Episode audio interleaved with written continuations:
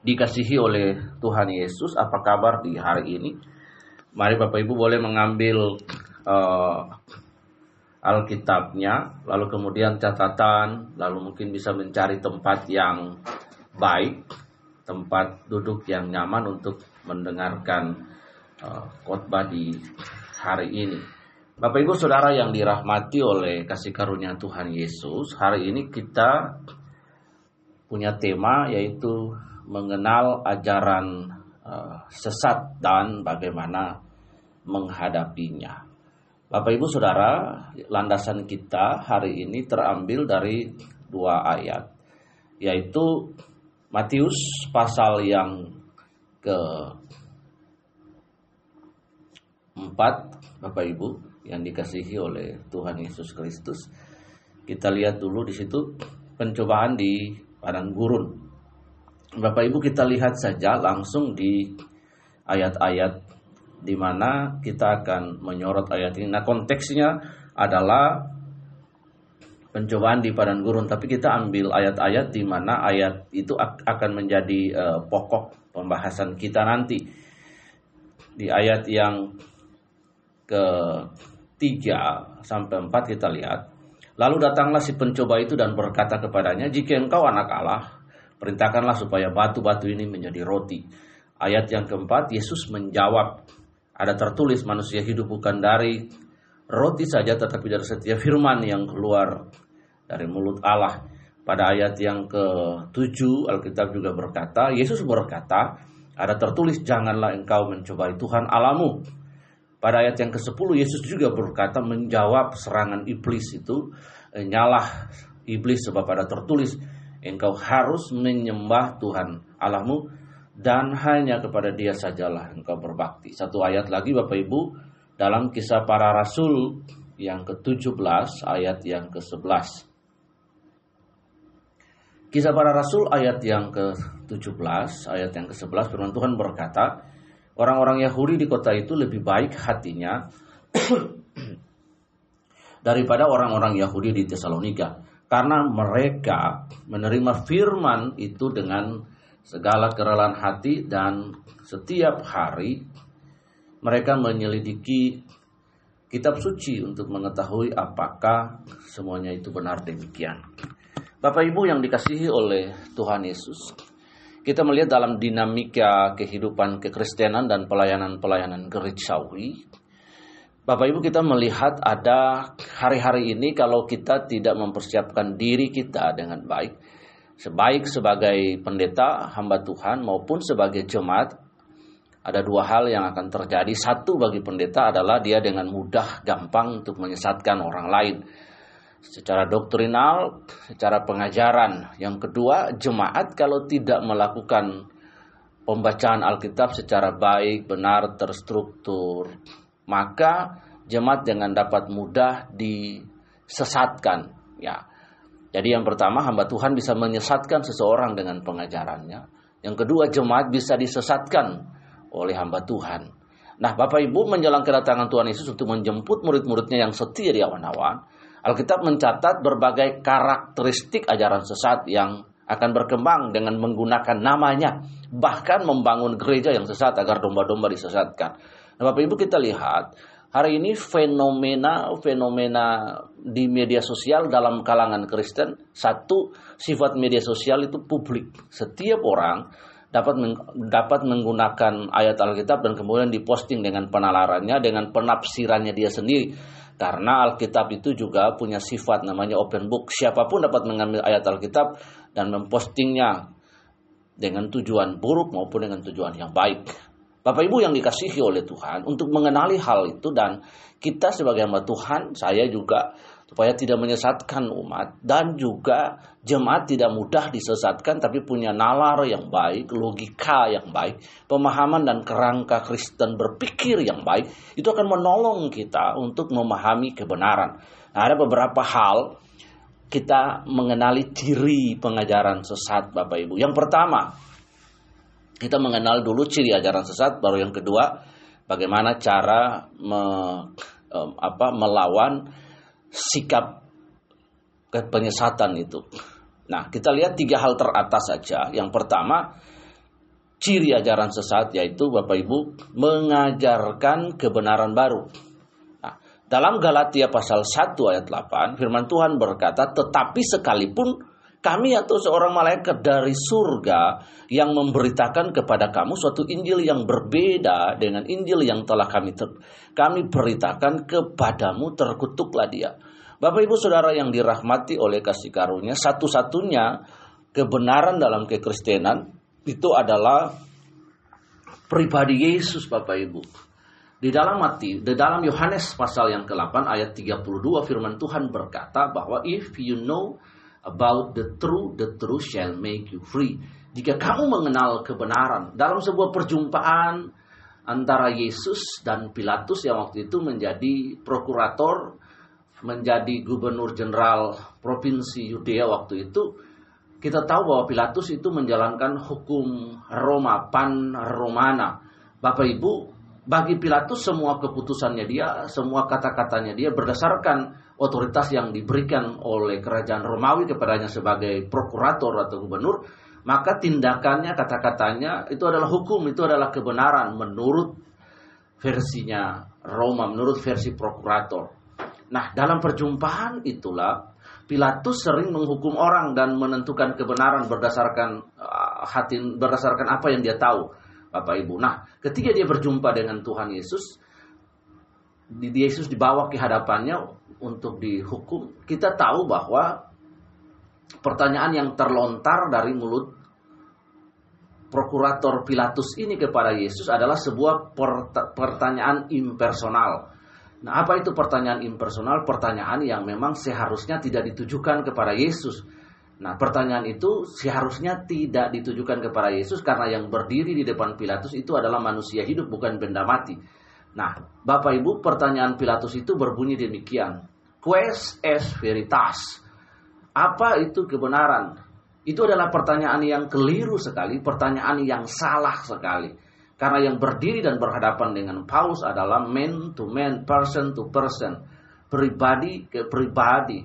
Seharusnya Pilatus berkata bahwa siapa itu kebenaran. Nah, karena kebenaran bagi kekristenan adalah the person of Jesus Christ. Tindakannya benar, perilakunya benar, kata-katanya benar, hidupnya benar, Bapak Ibu Saudara yang dirahmati di luar kekristenan kita tidak mengenal kebenaran yang lain mutlak prima causa keabsolutan bagi kita adalah menerima dan mengenal dan mengamini bahwa kebenaran itu adalah Yesus Kristus sendiri kebenaran yang di mana kita dapat berelasi dengan kebenaran kita dapat dirubah oleh kebenaran kita mengenal kebenaran itu Bapak Ibu Saudara dalam Yohanes pasal 14 ayat yang ke 6 firman Tuhan secara mutlak berkata bahwa aku adalah jalan kebenaran dan hidup. Tidak seorang pun sampai kepada Bapa tanpa melalui aku. Ini adalah sebuah pernyataan mutlak Bapak Ibu bahwa Yesus satu-satunya jalan kebenaran. Amsal pasal yang ke-14 ayat yang ke-12 firman Tuhan berkata di situ ada banyak jalan orang yang disangka lurus tapi ujungnya menuju maut. Orang berpikir bahwa dia sudah mengenal kebenaran, dia belum mengenal kebenaran. Orang berpikir bahwa dia sudah ada di jalan yang benar, padahal dia belum ada di jalan yang benar. Orang berpikir bahwa dia ada di jalan yang hidup, dia belum tentu hidup, Bapak Ibu yang dikasihi oleh Tuhan. Jadi hari ini, Bapak Ibu, kita belajar bahwa untuk ciri ajaran sesat itu adalah menyatakan kebenaran yang baru. Galatia memberikan konsekuensi bagi kita, catatan penting bagi kita, bahwa sekalipun ada orang bahkan seorang malaikat memberitakan kepadamu Injil yang lain maka Injil yang tidak diberitakan oleh yang tidak diajarkan oleh Yesus tidak diberitakan oleh Yesus yang tidak diteruskan oleh para rasul dan sampai hari ini lalu itu adalah di situ Rasul Paulus katakan bahwa terkutuk Bapak Ibu yang dikasihi oleh kasih karunia. Injil adalah kekuatan Allah yang menyelamatkan setiap orang yang percaya kepada Yesus. Injil adalah kekuatan Allah. Jadi jika ada seseorang memberitakan pribadi yang lain, memberitakan Injil yang lain, maka Bapak Ibu terkutuk. Karena itu kita harus menerima dan memahami ajaran mem memahami ciri pengajaran sesat yang pertama adalah jika seseorang berdiri menyampaikan pengajaran berkhotbah dan lain menyampaikan ada kebenaran yang baru di luar pribadi Yesus Kristus maka itu bukan kebenaran itu adalah ciri penyesatan. Yang kedua Bapak Ibu Saudara yang dikasihi oleh Tuhan Yesus supaya kita paham. Yang kedua adalah ada interpretasi baru.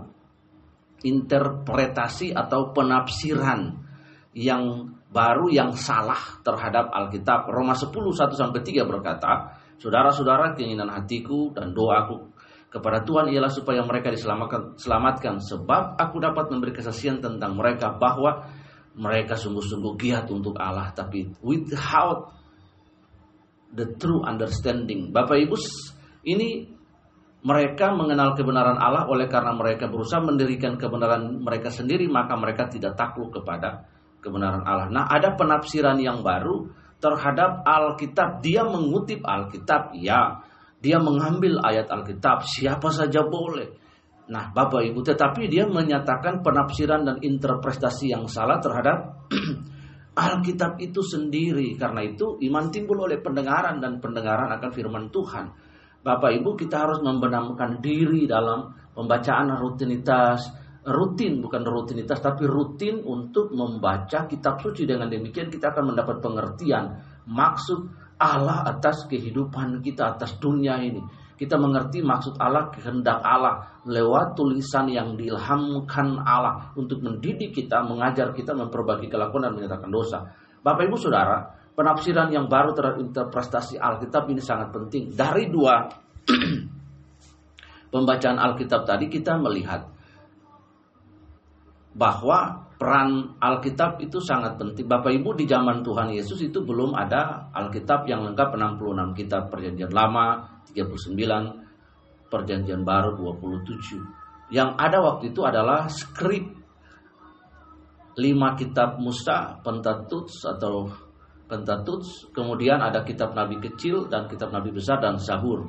Nah, Yesus mengutip ayat itu. Jemaat di Galatia juga melakukan hal yang sama. Proses biblika yang pertama di dunia itu secara teologis itu terjadi di jemaat Berea.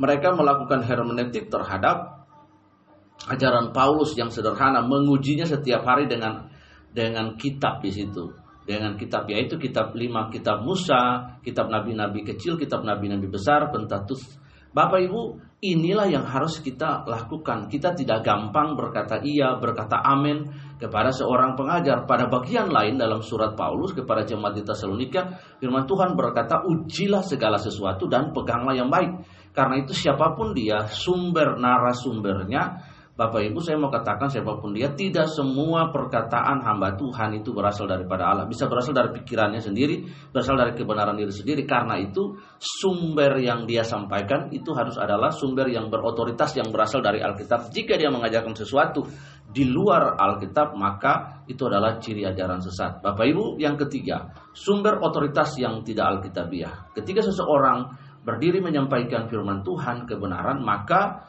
sumber utamanya bersumber dari Alkitab. Bapak Ibu, Yesus melawan iblis dalam pembacaan Matius pasal 4 yang saya sudah sampaikan di awal tadi.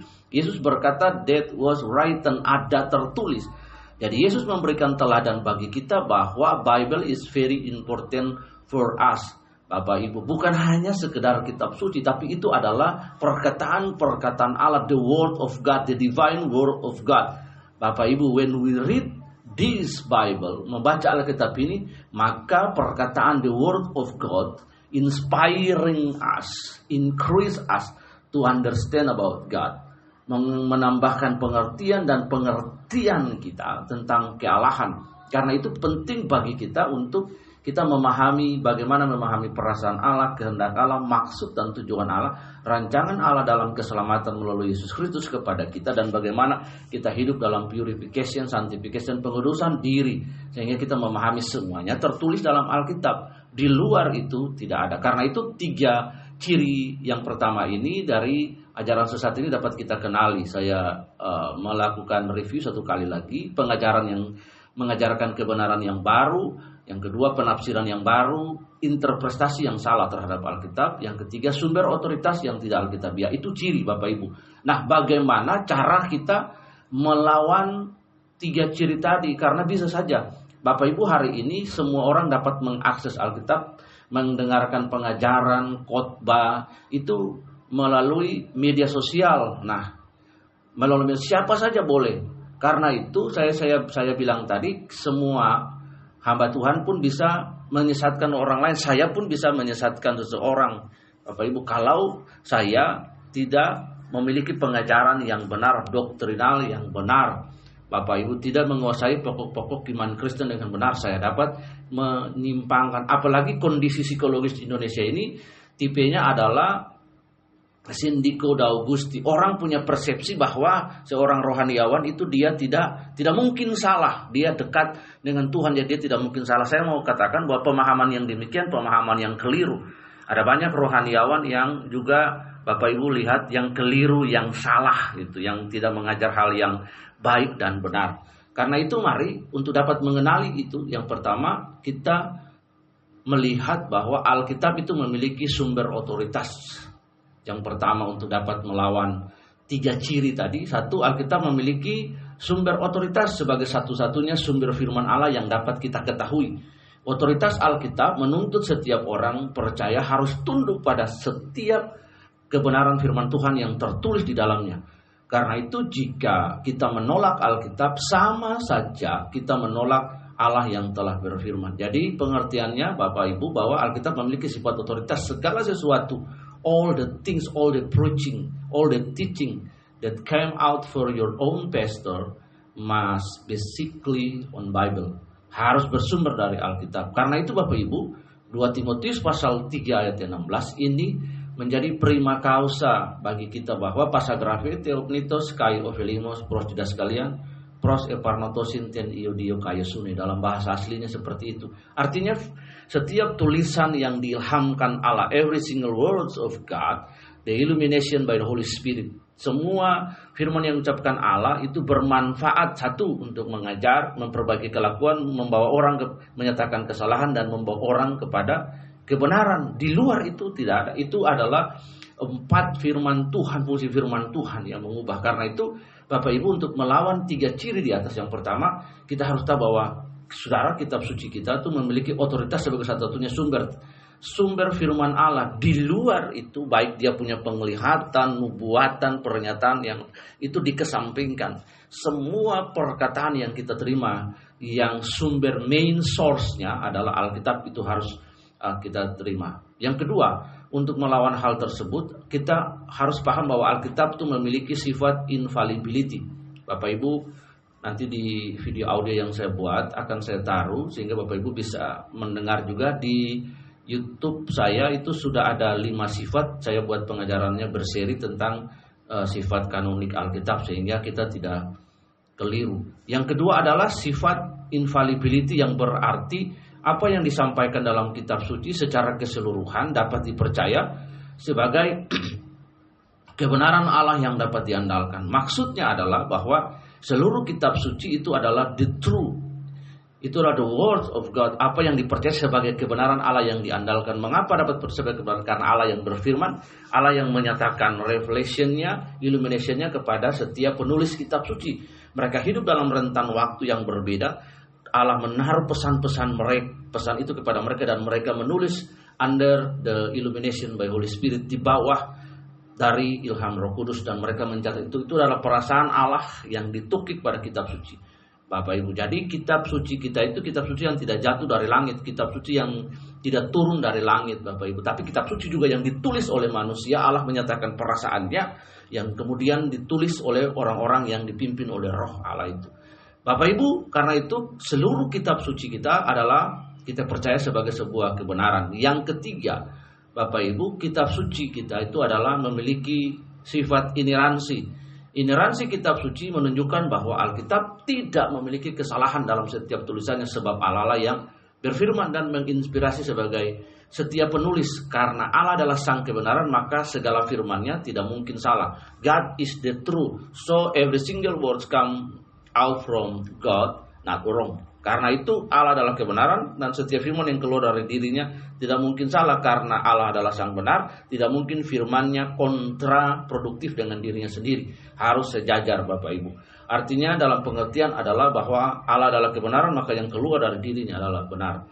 Bapak Ibu, ini yang perlu kita pahami. Yang keempat, Alkitab memiliki sifat necessity yang berarti Alkitab menjadi suatu keharusan atau kebutuhan bagi setiap orang. Karena itu harus dalam Roma 10, 17 firman Tuhan berkata, iman timbul. Faith come from hearing and hearing the word of God. Karena itu benamkan diri kita lakukan pembacaan kitab suci sehingga kita paham Bapak Ibu sehingga kita paham hari ini dengan mudah siapa aja bisa jadi rohaniawan Bapak Ibu. Siapa aja bisa jadi rohaniawan nah, Bapak Ibu ada lihat rohaniawan abal-abal yang kemarin ditangkap sama polisi juga pemahamannya dangkal. Dia dulu di di agama A kemudian dia pindah ke agama B dia menjelekkan agama A. Akhirnya hari itu dia ketangkap Bapak Ibu. Itu bukan hamba Tuhan yang baik.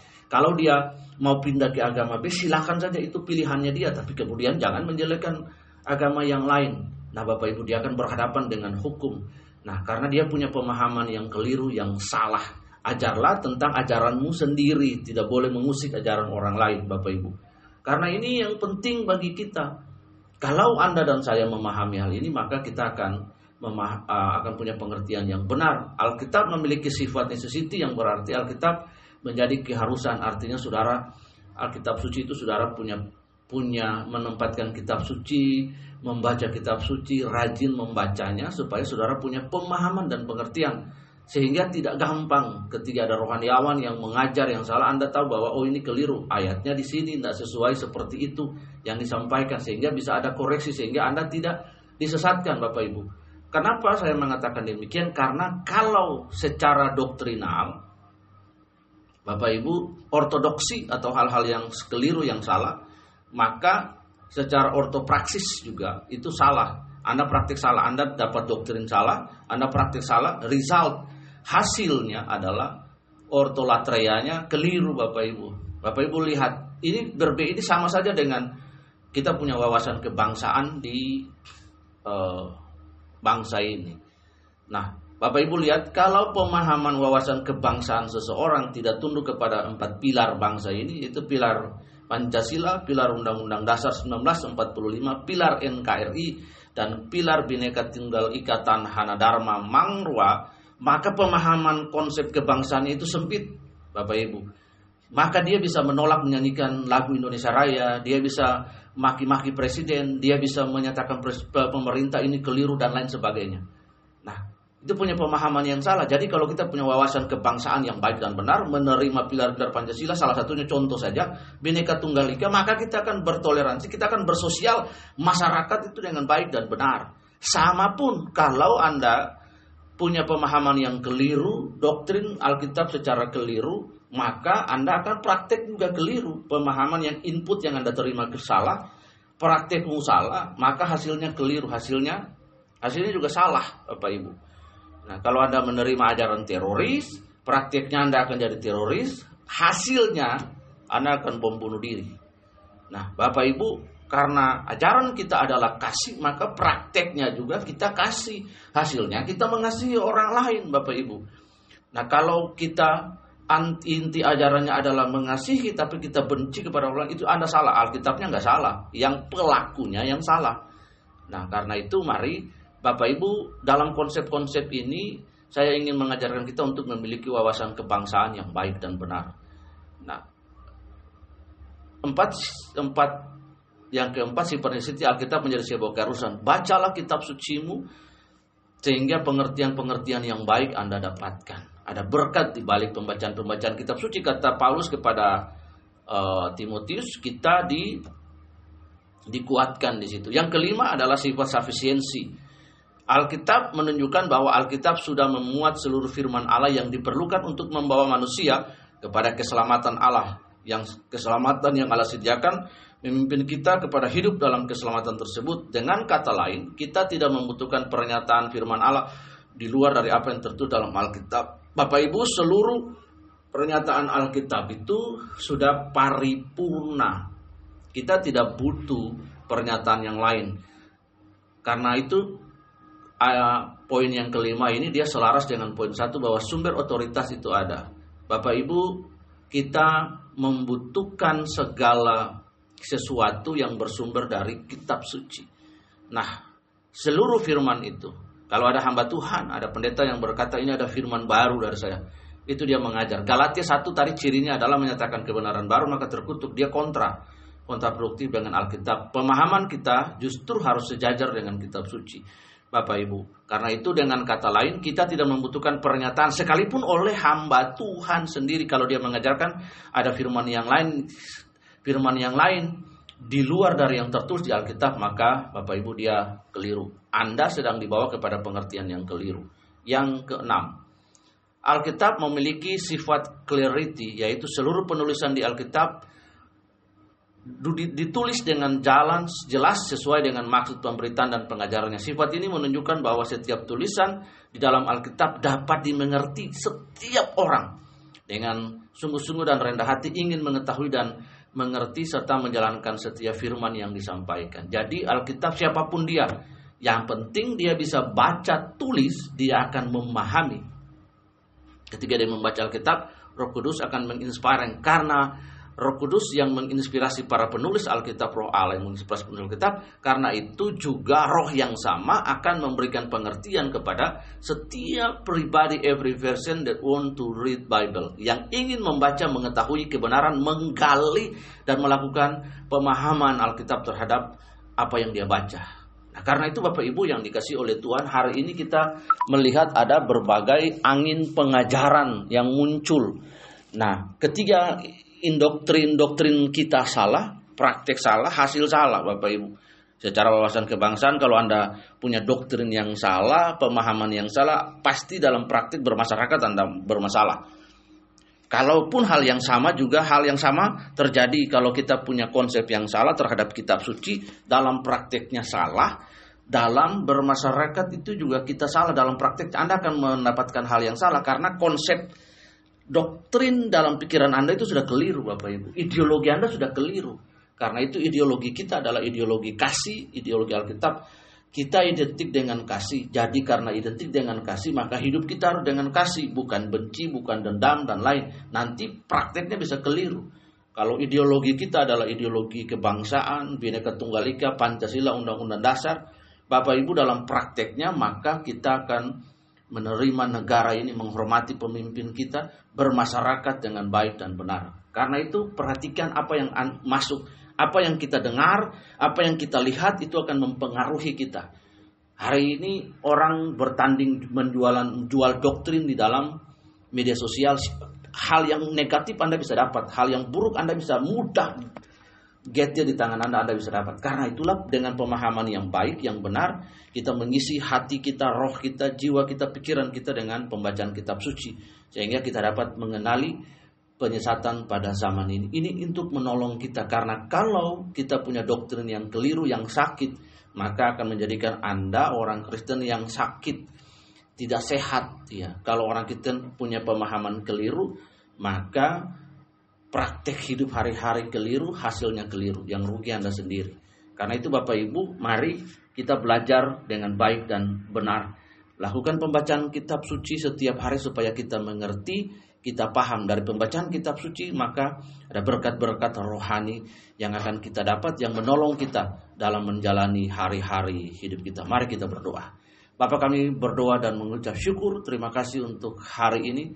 Kami berdoa Biar kebenaran firman ini memerdekakan kami dan menolong kami sehingga kami punya pengertian yang baik dapat mengenali tiga ciri penyesatan dan lima cara kami untuk melawan Tuhan penyesatan itu dengan uh, pengertian yang baik. Bapak terima kasih Roh Kudus tolong kami pekerjaan seluruh para pendengar Setia 99.9 FM Ananta Praja Tuhan memberkati mereka semua. Setiap umat yang mendengar ini boleh diberkati. Kami hari ini juga berdoa memberkati Bapak Presiden kami Joko Widodo. Tuhan berikan kesehatan, Tuhan berikan kekuatan.